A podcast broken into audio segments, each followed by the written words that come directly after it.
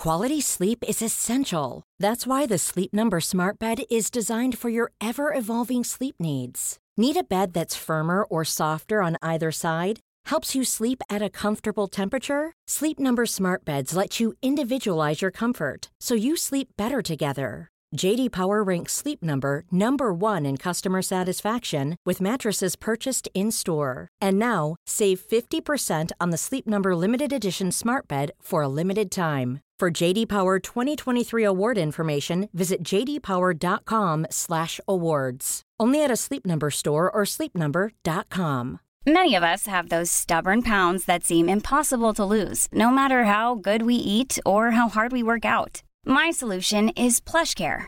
PlushCare is a leading telehealth provider with doctors who are there for you day and night to partner with you in your weight loss journey. They can prescribe FDA-approved weight loss medications like Wagovi and Zepbound for those who qualify. Plus, they accept most insurance plans. To get started, visit plushcare.com slash weight loss. That's plushcare.com slash weight loss.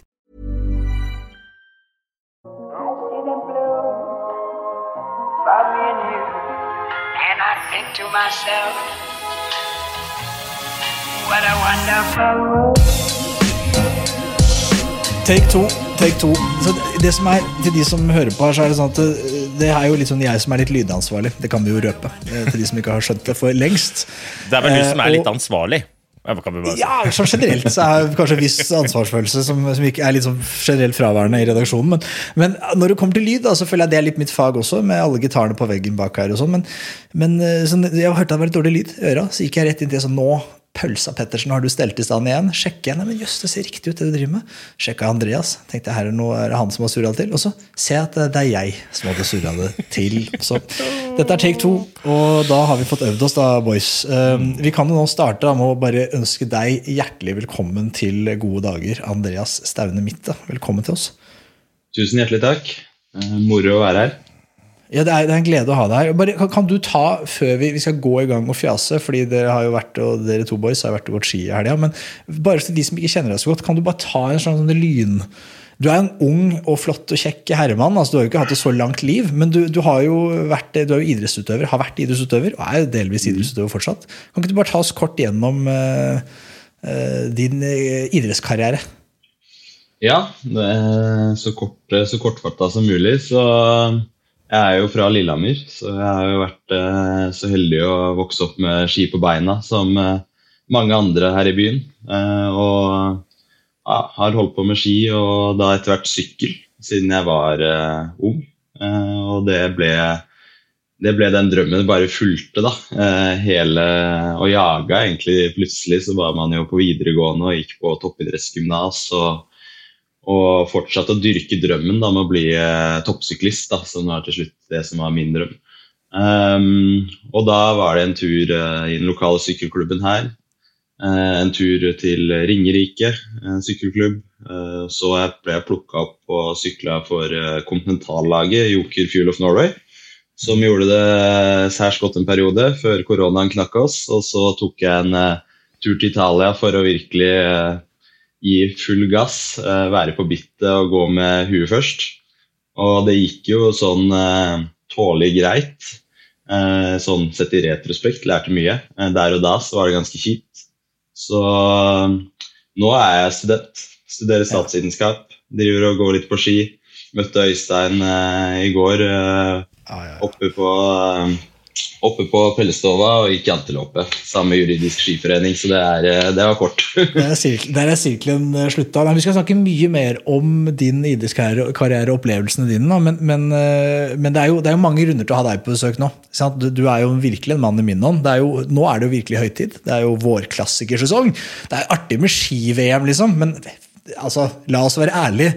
Når det er Flander, Flandern-klassikere på TV, da det, det går det der skirennet en, Om ikke en høy gang, så en lav gang. Da, det gjør det. Men, men boys, dere drev jo med idrettsglede senest i, i, i går. Eh, Vi spiller dette på en søndag. Dere var på Janteloppa, og da så jeg et bredt, veldig bredt fjes komme på NRK og fanga vind. eh, og jeg tenkte er det, er det Henning Er det Henning Solberg? Og, det går unna til å være Henning Solberg, men så skjønte jeg nei, nei, det er jo min gode venn. Det er Øystein Pettersen. Han er jo så Jeg ikke tenkt på det. Altså, det må jeg bare si at det janteloppet var, det var, det var 20 km oppe på Øyefjellet der. Det var jo storm i de berømte kastene. Og da tenkte jeg, som litt sånn eh, gammel ringrev, at det, her lønner det seg å finne en god rygg. Legg deg en gruppe med en god rygg. Og så midt utpå myrene der da, blåste jo katter motvind, så tenkte jeg nå må jeg finne den gode ryggen. Så kikka jeg rundt meg. Da hadde jeg da altså en fyr foran meg som så vidt stakk opp av skoa sine. Ikke sant? Stavene kom ut fra karbonstøtta på siden. tenkte jeg, Hva er dette for noe fjas? Måtte eh, ned og bøye og dra ut eh, startnummeret for å se navnet på den. Der sto det Lamparter. Da tenkte jeg bare sånn, dette er en ski kombinert fyr. Nei, dette går ikke. Så snur jeg meg rundt. Der ser jeg rett inn i den der spede tavla til Therese Johaug. tenkte jeg, faen, det er jeg som er ryggen i denne gruppa her. Sånn, det er jeg. Så da fikk jeg lurt fram en sånn svenske, da, Engdahl. For Ja. de som kjenner han, så det er liksom ikke Det er ikke broren til Bob Zapp. Det er det ikke. Det er ikke broren til Bob Zapp, men det var, var drita gøy, da. Fadderen, jeg, eh, jeg cruisa rundt, jeg. Ja, Men det var ikke så Jeg må innrømme at du imponerte meg litt der. Jeg, jeg satt jo og fulgte bare i TV-kroken, men, men da ser jeg at du kom liksom topp 25-24. Du var liksom helt oppe der, og, og det var jo foran foran Jarl Magnus Riiber. Altså, vi snakker om liksom Nei, han gikk forbi meg på oppløpet. Han var litt redd for at Therese skulle ta oss igjen, så han spurta forbi meg. Da. ja. ja, ok, Jeg men var, han- det var, hadde du ikke i nærheten av han, da. Og jeg tenker, det er jo, Han har jo noen meritter som eh, ingen av oss har, rett og slett. Det Jeg tror nok han hadde vært lengre foran meg hvis jeg skulle hoppa først, for å være helt ærlig. det, det, da skal det nok bli seigt å ta det igjen. Men det var ikke så ille av meg, altså med tanke på at jeg har skøyta fem turer i år. eh, Hadde hjerneblødning i oktober og generelt har vært ganske dårlig til å skøyte langt hele livet. Så jeg tenker sånn, dette er ganske bra. Jeg tror, jeg var helt ærlig. Altså Sist gang jeg skøyta, det var i Skarverennet. 2016. Og da, da, da satsa jeg på ski. og var ganske godt trent. Da løpet kom et kvarter bak Ingvild Flukse Østberg. Og nå så har jeg lagt opp i noen år og surra litt rundt med noe hjerneblødning. og liksom. Så slår jeg bare sånn, «Å, Er Kanskje jeg er på vei til comeback nå? Ja, jeg tenker, det- Dette er farlig å spekulere, da, men kan man si at det er formutløsende hjerneblødning? Eller er det, blir det for det Eh, på generelt basis så kan man si nei, men på, spesifikt på meg så kan man si ja. Ja. Ok. Andreas, du var ute og gikk. Du, jeg, jeg, så, jeg så ikke ditt Du er jo flott og mye flottere enn Øystein å se på, så jeg burde jo ha sett deg, men jeg Ja, nei, starta vel sånn eh, Jeg vet ikke hvor mange som gikk, jeg. Men eh, han var på rekke nummer 200 baki der. altså Det føltes ut som eh, et lite tog. Så det var jo det å bruke egentlig alt av sykkelferdigheter og, og rundingsbøyer som til slutt ble, da, og klemme til. Så det var moro. Jeg eh, ble sliten og hadde det egentlig utrolig gøy. Det var det første møtet egentlig med ordentlig med startnummer på brystet. Da. Da er det jo kjekt å gjøre det på en plass som Janteloppet, som da det er lavskuldra, folk smiler og ler underveis. og Det er jo litt skicross og diverse. og det, ja, det, det ble ikke noe toppresultat, det ble ikke noe premiesjekk. Men eh, nei, vi vant jo kanskje festen etterpå, da. Ja, Jeg, jeg, jeg mener at du er innpå, inn, litt innpå kjernen. For Hvis man skal være litt seriøs rundt det der janteloppet, det er et skirenn. Men det er laget da eh, litt mer greier rundt det. Én ting er det som skjer etter rennet, men også det som skjer rundt rennet. Det der burde vært mer av. Altså, Janteloppet det er Petter Northugs eh, eh, renn, hvis man kan kalle det det. Uh, og, og, og langrennsløpere vi er ikke mer bortskjemte enn at hvis noen bare lager litt kuler der hvor vi går Altså, vi gikk 20 km, jeg lurer på om det var fire kuler, og folk var altså fra over seg av begeistring. Det var, det var sånn derre pump track. Da, da må de ta seg en tur i en pump track. Det var det ikke, men det var dritfett. Og det de gjorde, var at det var drita. Altså, jeg mener, det var 20 km med pur idrettsglede. Og det er det litt for lite av. Det, er som, det var ingen som hadde Det var én som hadde høye skuldre, han heter Simen Østensen. Han sto ved siden av meg og knakk begge stavene. Klar, ferdig. Og så var, men, men så fikk han senka skuldrene, han også. Så jeg tror alle, alle koste seg. Jeg må bare beklage litt på lufta, da, er det lov? For det var mange som sa, sa etter ja, det var krevende føre. Eller jeg sa også det var krevende føre. Og jeg syntes det var krevende føre, for det var litt sånn trått. Det var litt sånn foksnø og det var sånn trått. Også når jeg sa det, så så de på meg som om vi ikke hadde gått samme renn, for de sa nei. Nei, nei, det var kjempeløst. Og da tenkte jeg ok, ja, de syntes det var løst. Og jeg kjente at jeg sparka litt igjennom, og jeg tror jeg var den første eh, som sparka litt igjennom, eh, basert på, på kroppstyngde. eh, da. Så jeg lurer på, kanskje om jeg må bare beklage til de som var rett bak meg der, at jeg lurer på om det var meg som på en måte brøyt den der hinna der.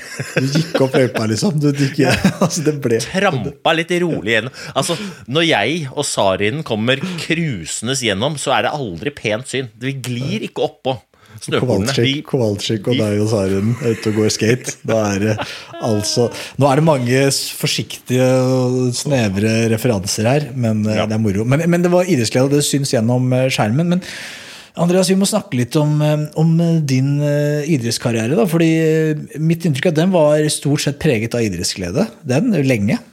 Eh, Ja, absolutt. absolutt. Det er jo en grunn til at jeg for det første starta og fortsatte å holde på. og turte å satse videre etter f.eks. videregående også. Eh, Det å ta noen år eh, etter videregående for å fylle på den der eh, hva skal jeg si, erfaringsbanken som det til slutt ble. da, Med trening, eh, ut og møte de her klubbmiljøene og kose seg med trening og konkurranse. da. Det ble jo en viktig del av eh, min hverdag. Og sånn sett en, eh, kunne gjerne vært enda lenger, sånn sett i retrospekt. Men jeg er glad jeg starta 20-årene med, med den biten. da.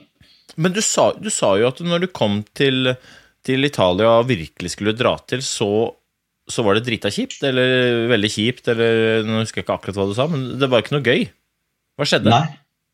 um, nei, vi er jo ganske heldige her, eh, her på berget, da. Og har en eh, Altså, det fins jo både regler og unntak. Eh, et ganske godt prestasjonsmiljø og gode klubbmiljøer som prøver å ivareta rekruttering og ta vare på Hva skal jeg si eh, bredden, da. Eh, det er den her eh, tusen egg-metaforen, at vi prøver å få med oss flest mulig eh, egg. Vi vil ikke at noen skal knuse. Og det var litt andre kår jeg følte jeg møtte nede i, i Italia. Jeg hadde gjort ganske god, god research før jeg dro. Jeg hadde tatt kontroll på egen helse og vært i møte med Olympiatoppen og fått tilpassa kostholdsveiledningsplan og, og fullt kjør. Og der nede så Det var litt gammeldagse tanker, da. Som ble Eller hva skal jeg si holdninger som jeg ble presentert for. Og ut ifra de, de gode opplevelsene jeg har hatt, spesielt da i Ringerike sykkelklubb som eh, senior og i Joker Fuel of Norway, så ble det ganske store kontraster da, mellom hva jeg både sto for og har trua på. da. Ja, hva var det, da?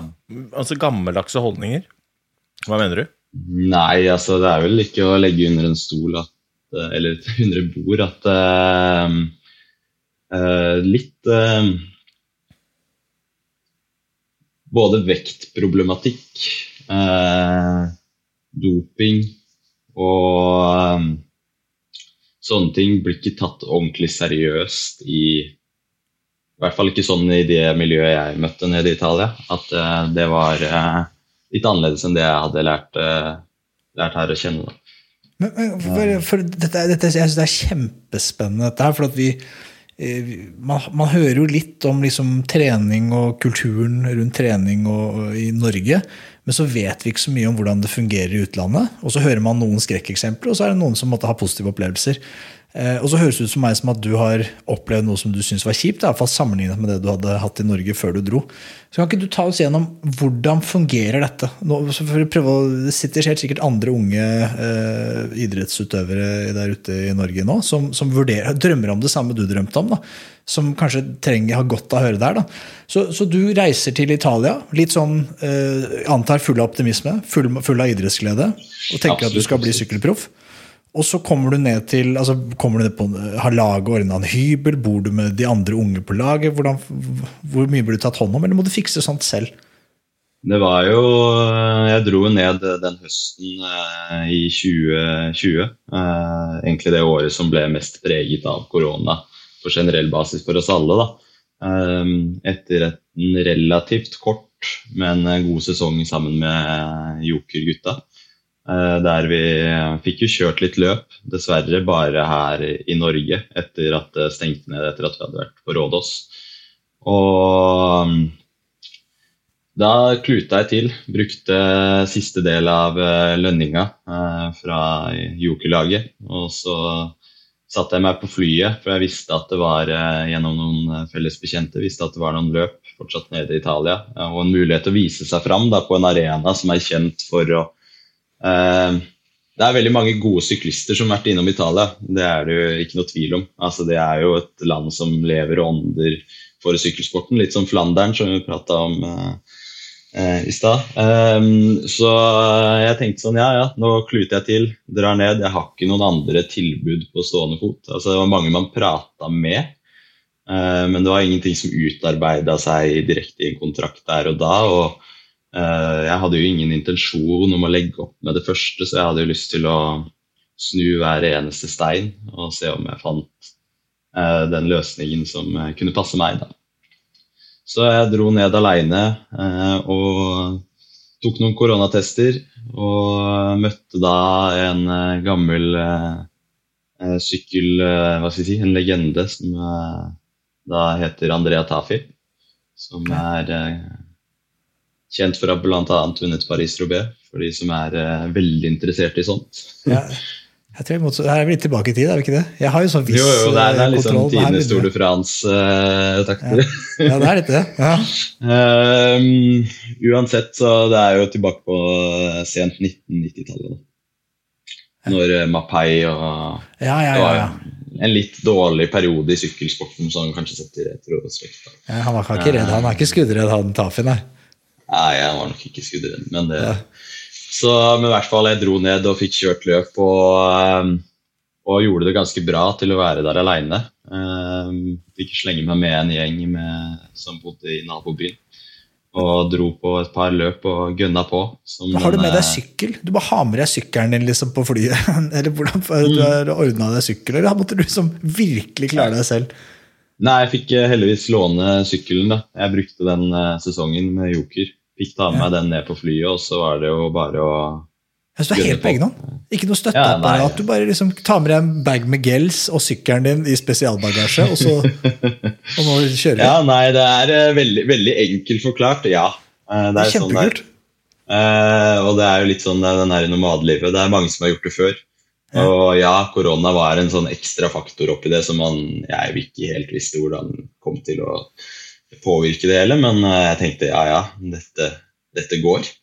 Eh, og går det ikke, så går det jo over, er det noen som har sagt. Så, så jeg kjørte løp, eh, ble kjent med en del folk. Og Tafi, da, som eh, jeg da leide hos den perioden jeg var der, sånn ca. en måned, han hjalp meg med å finne da et lag da, som jeg skulle sykle på første halvdel, sånn ca. var planen av 2021-sesongen. Uh, og da var målet til uh, meg og Tafi, og det som da ble foreslått, var at jeg sykler der, og så uh, regner vi med at det gikk bra nok til at det skulle da utarbeide seg to en prøvekontrakt da, hos to lag som han hadde litt ekstra kontakt med. Og det var jo da bl.a. et lag ingen norsk syklist som har sykla på før. Så det ville vært ganske kult, og de gjør det jo veldig bra. Få høre hvilket lag det var, da. Eller er det, er det så hemmelig? Nei, men eh, de sykler vel på noen specialized-sykler og vinner vel eh, det meste av klassikerritt. Så det var jo Quickstep? Det var, ja, blant annet var et av de som det kunne det, da, da begynner du å snakke. Så det er jo Det hadde jo vært en utrolig Det er en utrolig mulighet. Og det er det å tørre å si ja, og tørre å prøve. Altså Tørre å våge, tørre å gjøre noe annerledes, tørre å være seg sjøl. Um, ehm, men, men, men, hva er det du møter der nede som du opplever som uh, gammeldagse holdninger og som problematisk? Ja, Og når? Er det ja, nei, det er jo Jeg drar jo da hjem da, eh, på høsten i eh, Jeg tenker at alt er i skjønneste orden. Har underskrevet en, en kontrakt kontrakt som da har vi på en måte gjort en avtale om hvordan ting skal være. Det er lønn og reisekompensasjoner og diverse. Og utstyret det, det skal være i eh, orden til jeg kommer ned. Og da var det jo bare å dra hjem og begynne hardtreninga nok en gang. Eh, så da var det å gå på ski da, eh, når man er sånn som jeg er glad i. Gå noen mil på Sjusjøen og kjøre på rulla. Og gjøre seg klar da, til det som skulle bli sesongstart. Så da dro jeg ned i slutten av januar 2021 og ganske sånn from the get-go så var det jo Ting var jo ikke helt i orden i forhold til både bosituasjon og utstyr og sånt. da, som jeg, jeg satser jo toppidrett. Jeg ønsker jo å bli best. Jeg har brukt eh, mange tusen treningstimer på det her, men det var ingenting av de, ingen av de tingene som var i orden. Og da er det jo Etter hvert så begynner jo en del problemer å plukke seg opp, bl.a. med hva skal jeg si, en litt sånn eh, maktmisbruk er jo et ganske hardt ord, da. Eh, men den le autoritære lederstilen som vi møtte der, i forhold til eh, Du skal ikke tro du er noe, uh, og at du vet noe bedre. Eller, det var Det var ganske interessant, spesielt når det var en av de spesifikke tingene vi hadde diskutert før jeg signerte. For det var viktig for meg å kunne fortsette å ta vare på kroppen min, f.eks. rundt dette her med å ikke være for tynn og sykelig undervektig. altså Spiseforstyrrelser er jo ja. ja, for, for, dette, for dette, dette syns jeg er, er, spennende fordi at det er jo en debatt som har pågått, og vi hadde jo den litt i høst. Eh, og det som er, I all vektbærende idrett så er, er dette et element da, som, som, jeg tror man kanskje fram til nå forhåpentligvis har vært litt for redd for å prate om. Jeg, jeg tror ikke at man løser noen problemer med, med å, stikke hodet i sanda og late som at, håpe at det blir borte. Eh, og i sykkel så er, vet vi jo at det, dette pågår og, og, har pågått. Og det er en viktig, det er, det er, det er en, viktig komponent av å bli Hvis du skal være god i fjellene spesielt, da, så er du nødt til å gjøre det. Men du må gjøre det på riktig måte. Men hvordan, det, altså, hvordan blir dette gjeldende? Altså, er det at kommer, snakker litt streite pucker? Er det at du kommer ned og så sier treneren eller, eller eh, lagledelsen der nede at du er for tjukk? Liksom? Du må ned i vekt? Ja, absolutt. Det er jo det er eh, det spørsmålet rundt vekt altså Jeg ønsket å bli sammenlagtrytter og være klatrer. Og koste meg jo veldig i fjellene, og det var det jeg kjørte mine resultater når jeg var på mitt beste. Det var jo oppover. Altså Jeg trives jo veldig godt i den bakken opp til Afjelltoppen der. Eh, opp til Ilsetra og, og Pelsova. Og der, det å sitte og ha det vondt over tid på den måten der, syns jeg var Det ble veldig fascinerende. da. Uh, og da kom det jo Når du er 1,77 da, og veier uh, 64 kilo, så er jo det Man er jo relativt tynn, da. Uh, I hvert fall i norsk standard, eller i vanlig, vanlig norsk husmannskost. Så um, og det var der jeg fant ut at jeg presterte best. Og jeg selv var jo innstilt på å ta av mer vekt senere, men da ville jeg ha et ordentlig apparat rundt meg. Altså, det er jo noe mm. Som gjerne er Hvis du skal ta det neste steget, da, inn på et profflag, eh, inn i noe større, så er det kjekt å ha noe å gå på.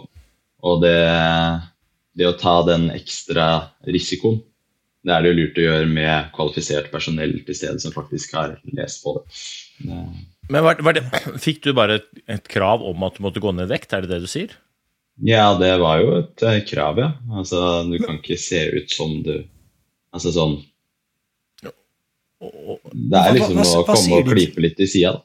de, de, det er sånn, de, de tar, tar deg i, i, det som er Jeg vet ikke hva det kan være på en, en mann på ja, nesten 1,80 som veier 64 kilo. Jeg, jeg, nekter å tro at det kan være, være noen form for flesk. på en måte. Det, er ikke, det er ikke, så mye sideflesk, det er ikke det. Men, uh, men det er jo Der og da så er det jo Det var jo det jeg frykta. For det er liksom som man har en Jeg hadde noen bekymringer rundt prosjektet, selvsagt. Og det var jo det ene var jo vekt. Og det andre var jo eh, frykten for at dette Altså at det skulle komme liksom noe doping, eller at det skulle skje noe som jeg ikke selv hadde eh, kunne ta ansvar for. da. Eh, og, så jeg er jo en veldig selvstendig person, eh, og jeg liker å tenke at jeg gjør ting i beste velmenende, og da blir det jo um, det ble, det ble, en litt røff start. Jeg bytta lag eh, der nede. Jeg fikk hjelp til det, så all honnør til det. Og det i håp om at det skulle bli bedre. Eh, fordi jeg trengte å ha utstyr som var i orden. Jeg trengte å ha klær å trene i, altså sånne essensielle greier. Jeg trengte også å kunne bo på en måte som ja, eh, fikk lov til å ha litt privatliv også, da. Det er jo, jeg er jo Eller jeg i hvert fall er glad i det. Så, men da ble det egentlig bare verre derfra. Og det var eh, Da var det jo mer eh, igjen egentlig samme eh, retorikk da med å kjøre på med den der konstante knusingen da, om at det er én helst som skal skille seg ut. det er ikke sånn at laget Altså, det som er viktig for laget, er at det er én som gjør det bra. Hvordan vi gjør det bra sammen, det er jo ikke nødvendigvis ned på individnivå. Det handler mer om hva sjefen bestemmer. Og jeg har jo troen på det at, eh, og det gjelder jo i alle sammenhenger, at eh, for å prestere så må man klare å samle gjengen og lede dem på ulike måter. Altså, er, folk trenger jo ulikt drivstoff. Nå er påske, og da er det bare å kose seg og ha gode samtaler med de du er glad i. Og det gjør du best da hvis du fyrer opp noe kaffe, og aller helst fra Coop. Coop sin kaffe. Den blå Kenya, Colombia, smaksserien. Det er mye snadder man kan gå og teste. Kanskje man skal unne seg det i påsken. Ja, de litt finere variantene. Ja, ja. Ha gode samtaler da, folkens. Lag en bra en.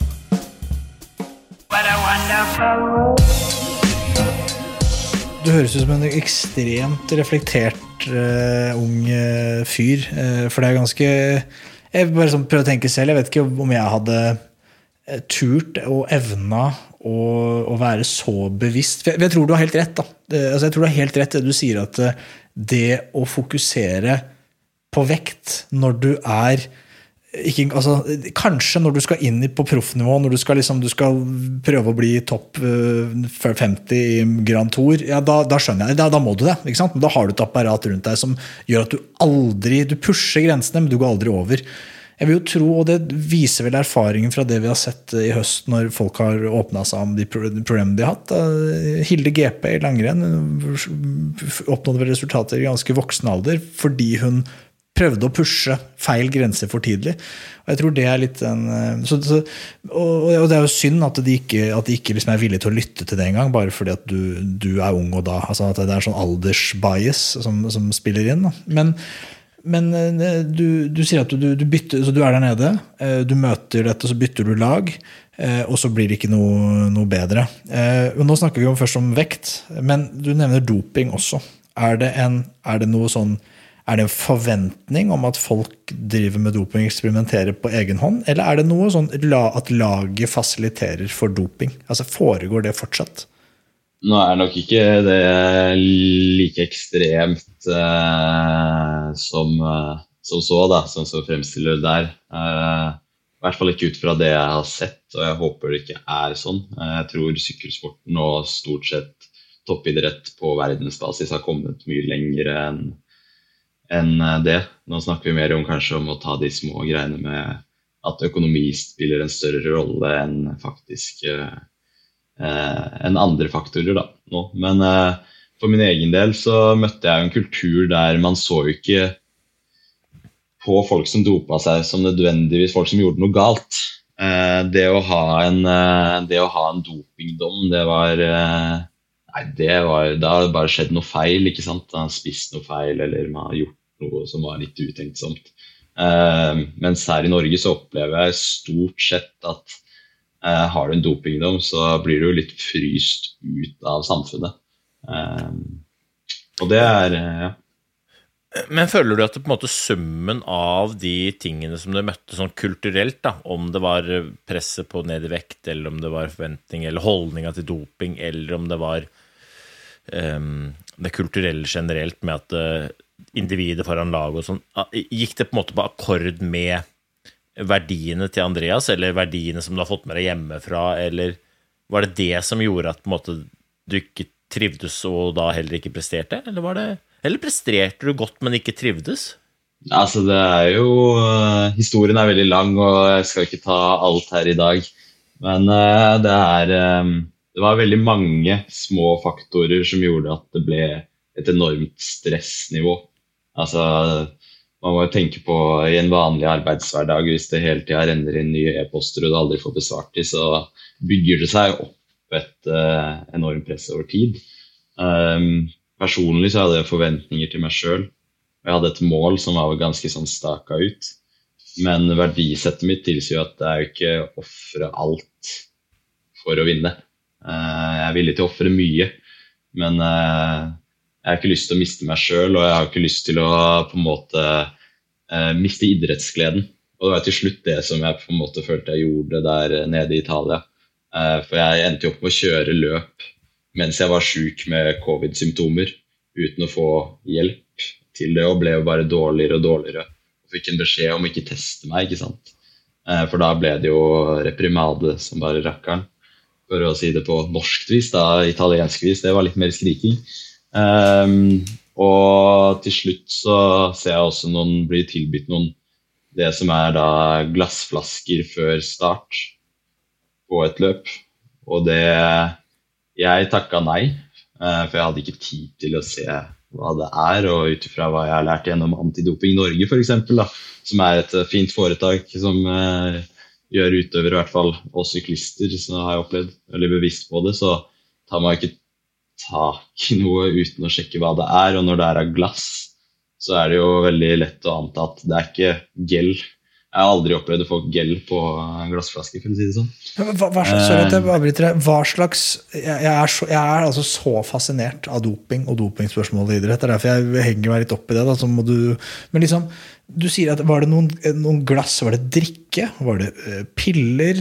Var det noe de fikk satt Nei, det var i flytende form, ja. Så, men jeg spurte de andre gutta, og for så vidt laget, om eh, hva er det for noe. Og det eneste jeg får til svar, er at det er bra for meg.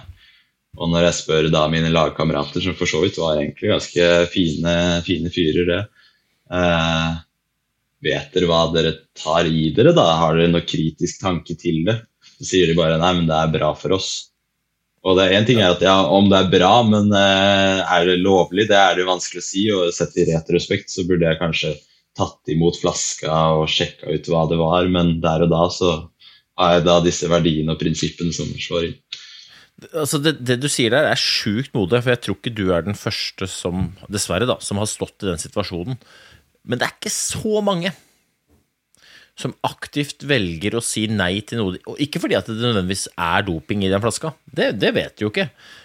Men det å bare ta den og si nei fordi du ikke vet hva det er i, det der er, det der er drita modig. Jeg er ganske sikker på at det er flere eh, syklister der ute som når de hører det du sier, tenker 'fy fader, så feig jeg er' i forhold til Andreas Mitte. For at jeg tok den flaska Uh, og det er jo det lette å gjøre, for det er det alle de andre gjør. Og så, og så er det lett å ikke være kritisk. Lett å bare stole på at det, det er bra for deg, som du sa.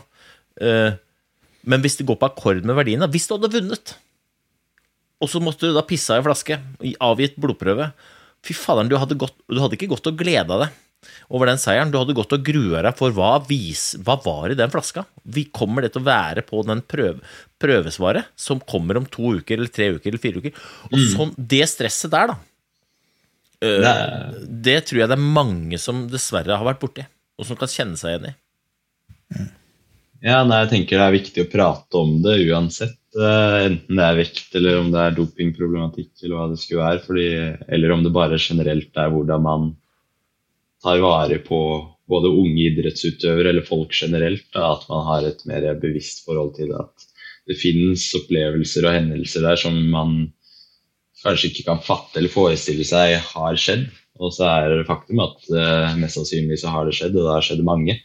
Og så er det ikke så mange som aktivt prater om det, ref da f.eks. spiseforstyrrelsesdebatter eller hva det skulle være. At uh, det er litt sånn hysj-hysj. Altså, det er jo For du prater om idrettsglede, og jeg er altså så Uh, jeg, jeg, må være, være, ærlig og si at jeg er skikkelig imponert av deg. For det første er du 23 år, og for det andre så har du noen verdier uh, i bånn som er bunnsolide. Men det aller viktigste er at du tør å handle basert på de.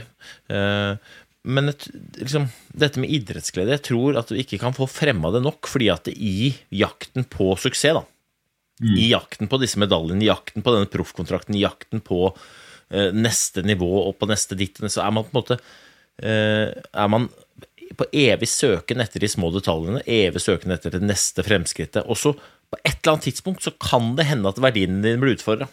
Det kan hende at du begynner å handle på akkord med egen helse eller egne verdier eller det ene eller andre. Og hvis du krysser den linja, så er min påstand at det kan godt hende du er heldig og oppnår gode resultater, men jeg tror ikke du kommer til å lykkes.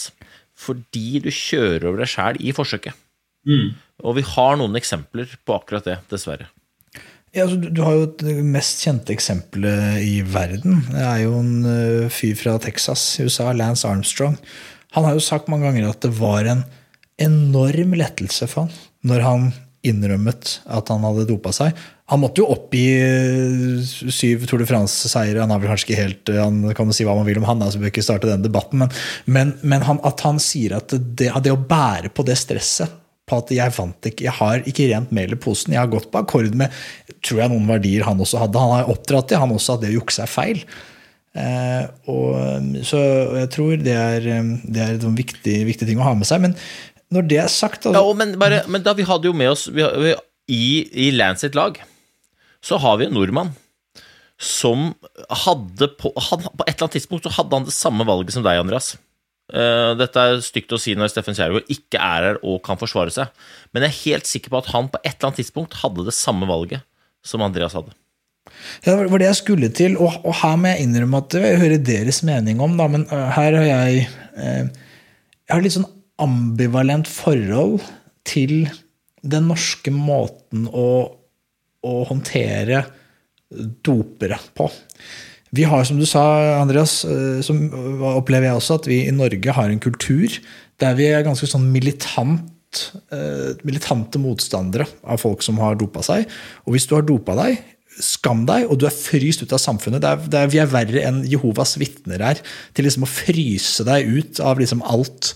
Eh, og det mener jeg at Personlig så syns jeg det er for strengt. Jeg, jeg, mener vi gjør veldig mye bra i Norge. En av de tingene jeg mener vi gjør riktigst i Norge, det er kriminalomsorgen.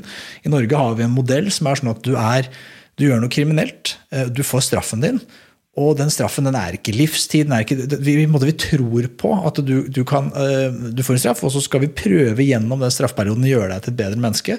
Og når du kommer ut derfra, da er du per definisjon klar for samfunnet. og har, altså, da, da, er du, da, er du, tilbake. Eh, og det tror jeg vi har ganske god suksess med, sammenligna med mange andre land. Eh, men når det kommer til dopere, så opplever jeg at ikke vi har den Da, da mister vi liksom besinnelsen litt. Og så er det sånn som, sånn som Steffen Kjærgaard, som jeg mener at eh, han har gjort så mye bra for norsk sykkelsport eh, som han nå bare vi totalt tar bort fra CV-en hans. Eh, fordi han gjorde en tabbe i 99 og 2000, eller når det var. Som han selvfølgelig liksom, det, jeg, Da prøver jeg ikke liksom å, å, si at det bagatellisere det at han dopa seg. Det, liksom, det er feil, og vi må liksom stå, være motstandere av det for unge utøvere. Det, det, er feil, og det, sånn så er det bra. Det hører jeg liksom si, Pass på at jeg veier ordene mine, ordene mine, her. Men jeg mener også at uh, han ikke fortjener den behandlingen han fikk. Og som han i hvert fall ikke får i dag. Um, uh, hva tenker dere om det? Ja, det kan slenge meg ut uh, først. Jeg vil jo si det at uh, Jeg synes at uh, man bør være ganske nådeløs på det aspektet rundt doping selv. jeg mener jo at det er så mange herlige frivillige i barne- og ungdomsidrett. Vi har mange hardtsatsende unge utøvere. Vi har folk som bruker altså hele deler av livet sitt da, på idrett. Og idrett bør jo være noe som er eh, Altså det skal være, det skal være idrettsglede. Det må være så purt som det er. Og jeg har troen på at vi burde heller fokusere på å fremme de gode forbildene. Og selvsagt også de dystre historiene, men uh, ta ordentlig vare på det og vise at det kan man kan lykkes uten doping. Og selvsagt være de som har gjort det, vær gjerne åpne og ærlige om det, for jeg tror det er nyttig å lære av det. Men det er jo ikke sånn at uh, i 2022 så burde man jo ikke ty til doping for å nå målet sitt. Det finnes jo så utrolig mye annet man heller kan gjøre med livet sitt. Det, Jeg vil, si, jeg vil jo si det motsatte, at det går ikke an å lykkes med doping. Men det kan godt hende at du sykler veldig fort, eller går jævlig fort på ski. Mm, Men hvis du spør Steffen Kjærgaard i dag da, om han føler at han lykkes eller ikke, så tror jeg han svarer nei. Men vi vet at han sykla på verdens beste sykkellag. Eh, ja, nei, det er det- en veldig, jo- veldig fin måte må- å si det på. Men så kan man jo De der historiene, da, kunne man brukt de preventivt? Altså brukt de til å si 'ikke gjør den samme tabba som meg', folkens. Jeg dreit meg ut, og jeg sitter her med en klump i magen, og det er en lettelse at dere avslørte meg. For at dette er en hemmelighet jeg har gått og båret på, nå slipper jeg i hvert fall å bære på hemmeligheten. Nå er det bare eventuelt angeren og skammen jeg har, men nå er det ikke noe hemmelig i tillegg. Eh, Og det kunne man jo kanskje ønske at folk som driter seg loddrett ut, kunne komme på banen. da. Eh, Men, men jeg mener at du, Andreas, er jo en eh, enda sterkere stemme i den der debatten der, fordi at du, eh, uavhengig av om det var uh, noe humbug i de flaskene eller ikke, så tok du et standpunkt basert på verdiene dine. Og det gjelder jo også på idrettsleden. Altså, du ga deg jo den dagen syklinga ikke ga deg glede lenger. Fordi at da vil du uansett hvor fort Slik jeg ser det igjen, da. Ikke sant? Uansett hvor fort du sykler Hvis du krysser mållinja som nummer én, men ser ut som gråpapir Hvis du krysser mållinja som nummer én og har dratt på deg en spiseforstyrrelse Hvis du krysser mållinja som nummer én og har noen substanser som kanskje ingen finner, men som er ulovlige, eller som du ikke du, du, du trives ikke med det du holder på med, så kommer det ikke til å lykkes. da. Det mener jeg at det, det er jo det er litt sånn underkommunisert i idrett at det dreier seg ikke om å nødvendigvis ha disse spisse albuene, høye skuldrene, og at alt skal være så dønn alvorlig. Det går an å prestere ganske godt med idrettsglede, men jeg tror i tillegg så kommer det til å lykkes. Mm. Jeg vil si at det er eh, Jeg er helt enig. For hva er jo definisjonen på det å faktisk lykkes? Er jo, det er jo så utrolig bredt.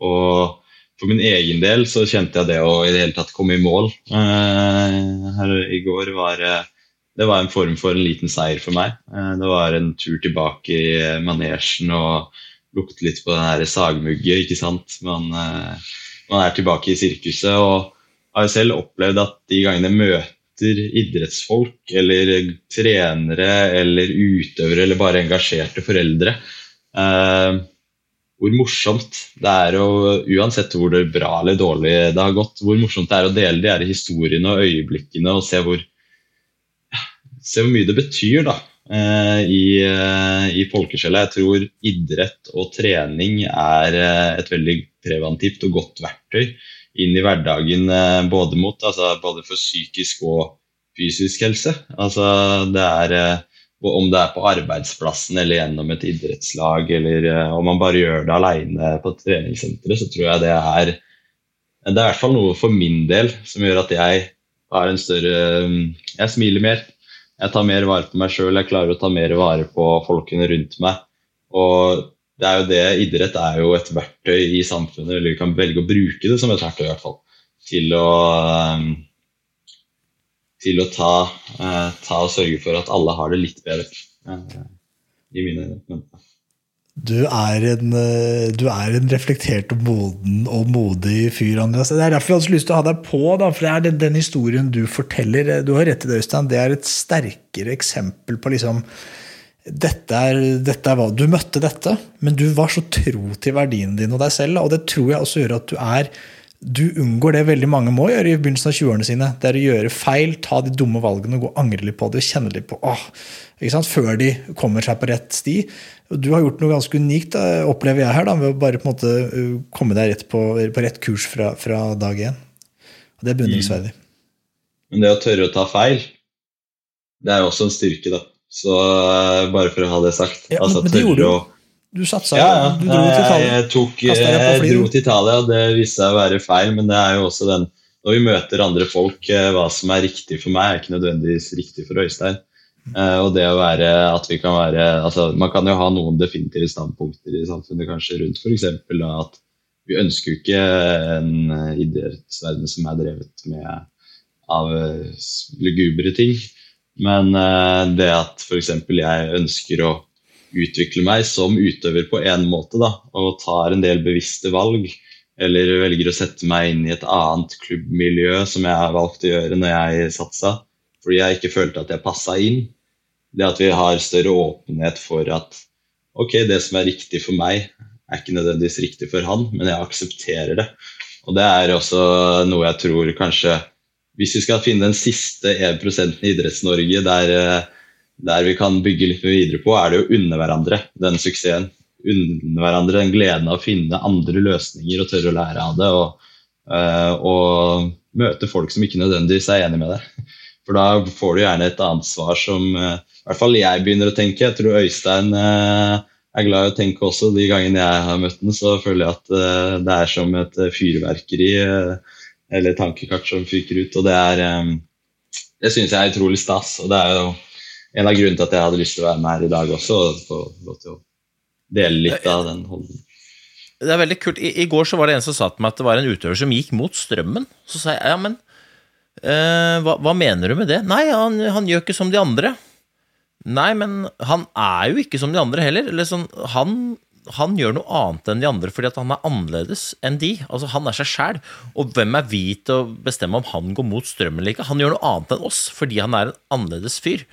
Uh, men uh, det er ikke sikkert han, For alt vi vet, kan det godt hende han går med strømmen, men han går med sin strøm. De aller, aller fleste de har jo lyst til å bare blende inn i den store haugen.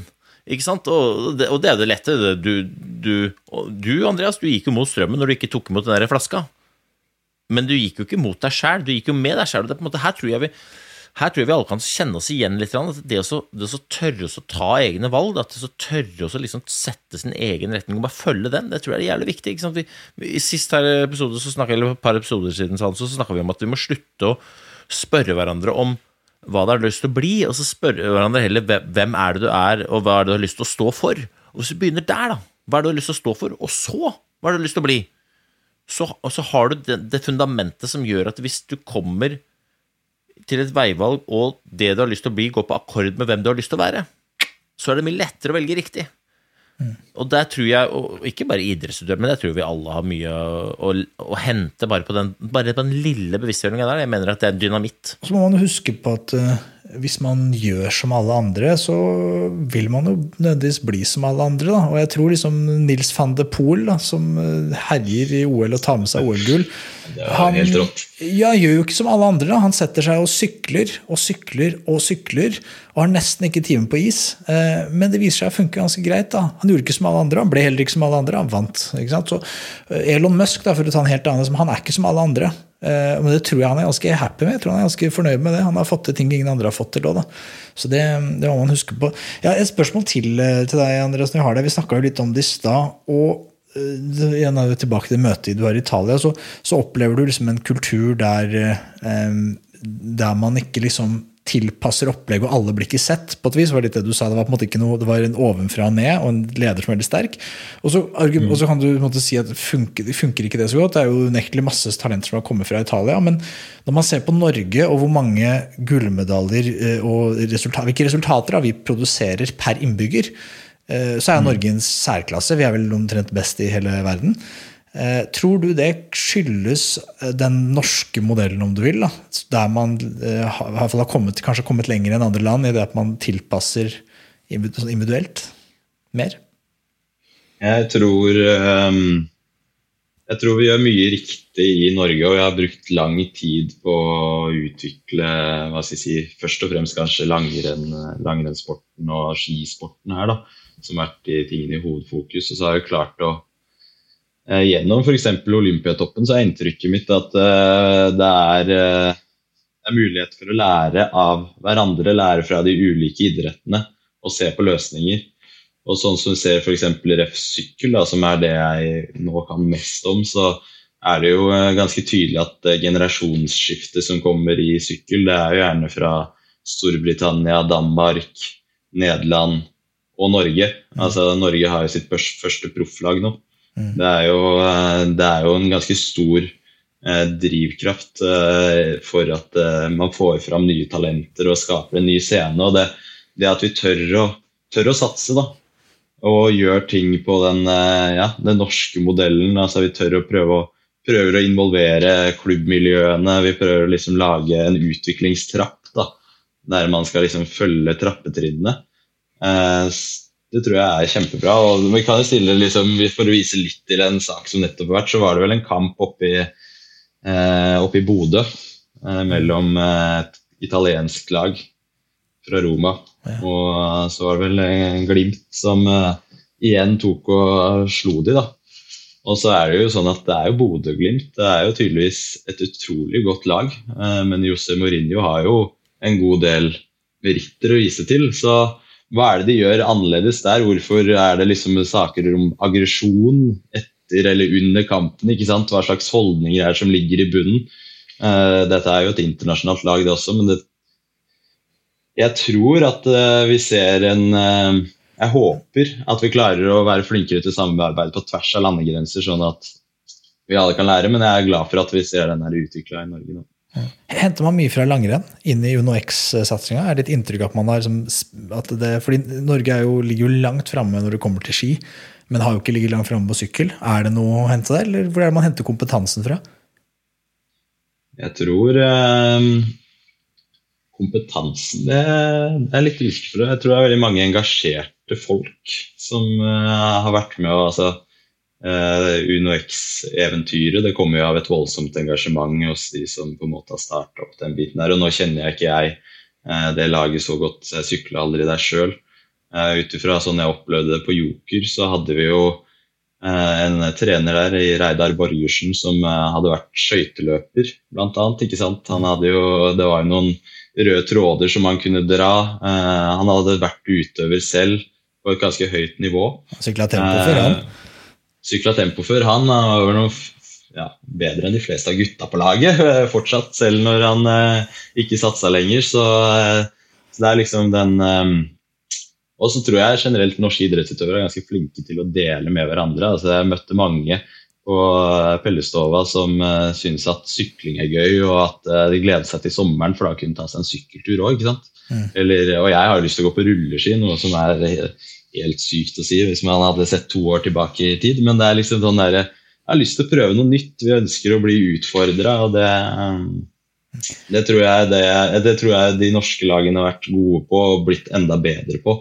Og det er i hvert fall sånn min tid i Joker, så opplevde jeg først og fremst utrolig engasjerte folk som er villige til å gi alt av seg sjøl for at uh, vi gutta skulle lykkes. Jeg tror det er den største drivkraften, at uh, man har, folk som eh, er oppriktig interessert i at eh, utøveren både skal utvikle seg som idrettsutøvere, men også som mennesker.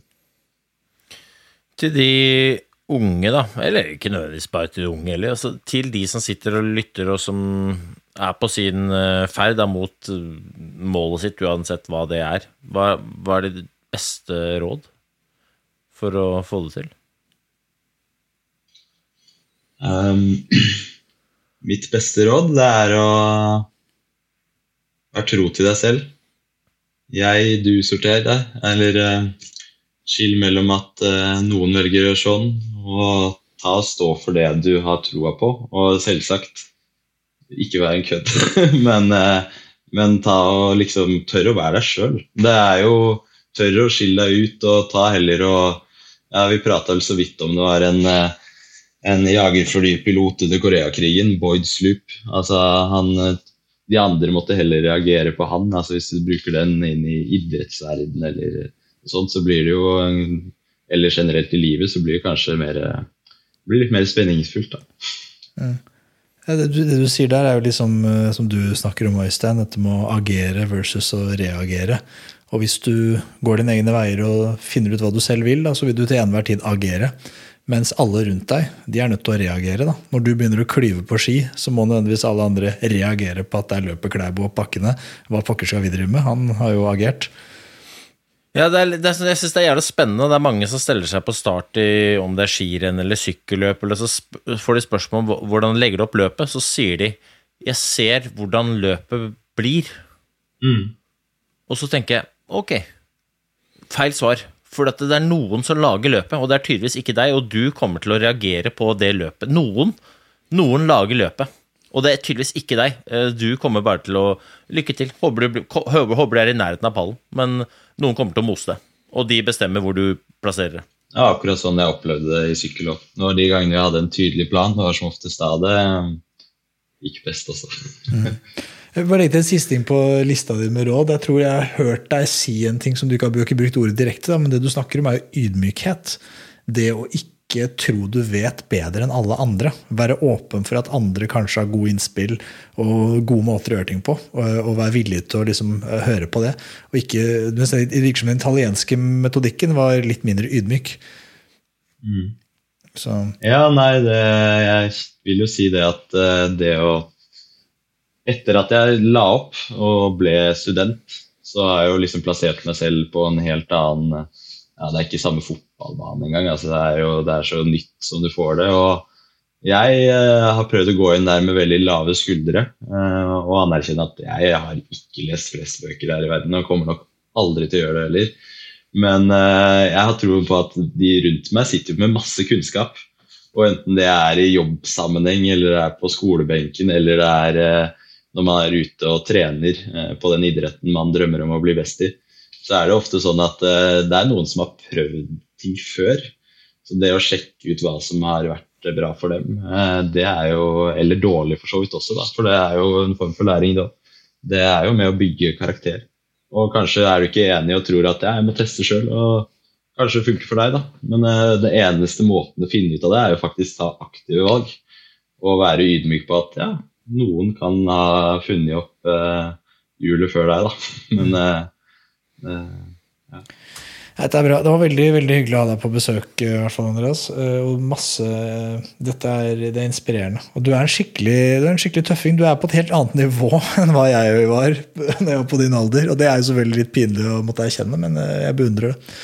Så, jeg setter veldig pris på å kunne få være med. Kjempe, kjempetrivelig å prate med dere. Så er det bare å komme seg neste helg, så er det Paris Roubais. Så da er det jo høytid. Det er høytid. Skal du være med, du, eller altså? Du, har jo, du låner eh, leie sånn bysykkel, du, og setter deg på toget, du. Le, Le Gare de Lyon.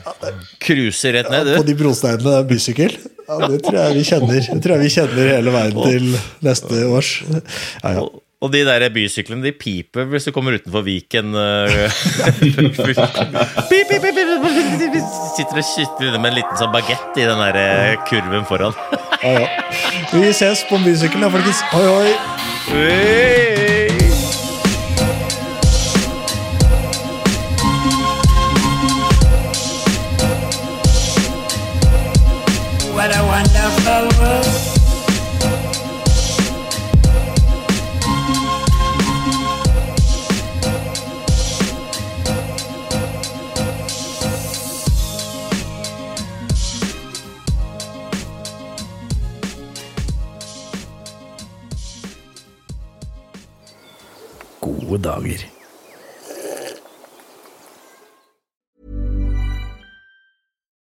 It's Paige DeSorbo from Giggly Squad. High quality fashion without the price tag. Say hello to Quince. I'm snagging high-end essentials like cozy cashmere sweaters, sleek leather jackets, fine jewelry, and so much more. With Quince being 50 to 80% less than similar brands. And they partner with factories that prioritize safe, ethical, and responsible manufacturing. I love that. Luxury quality within reach. Go to quince.com slash style to get free shipping and 365 day returns on your next order. Quince.com slash style.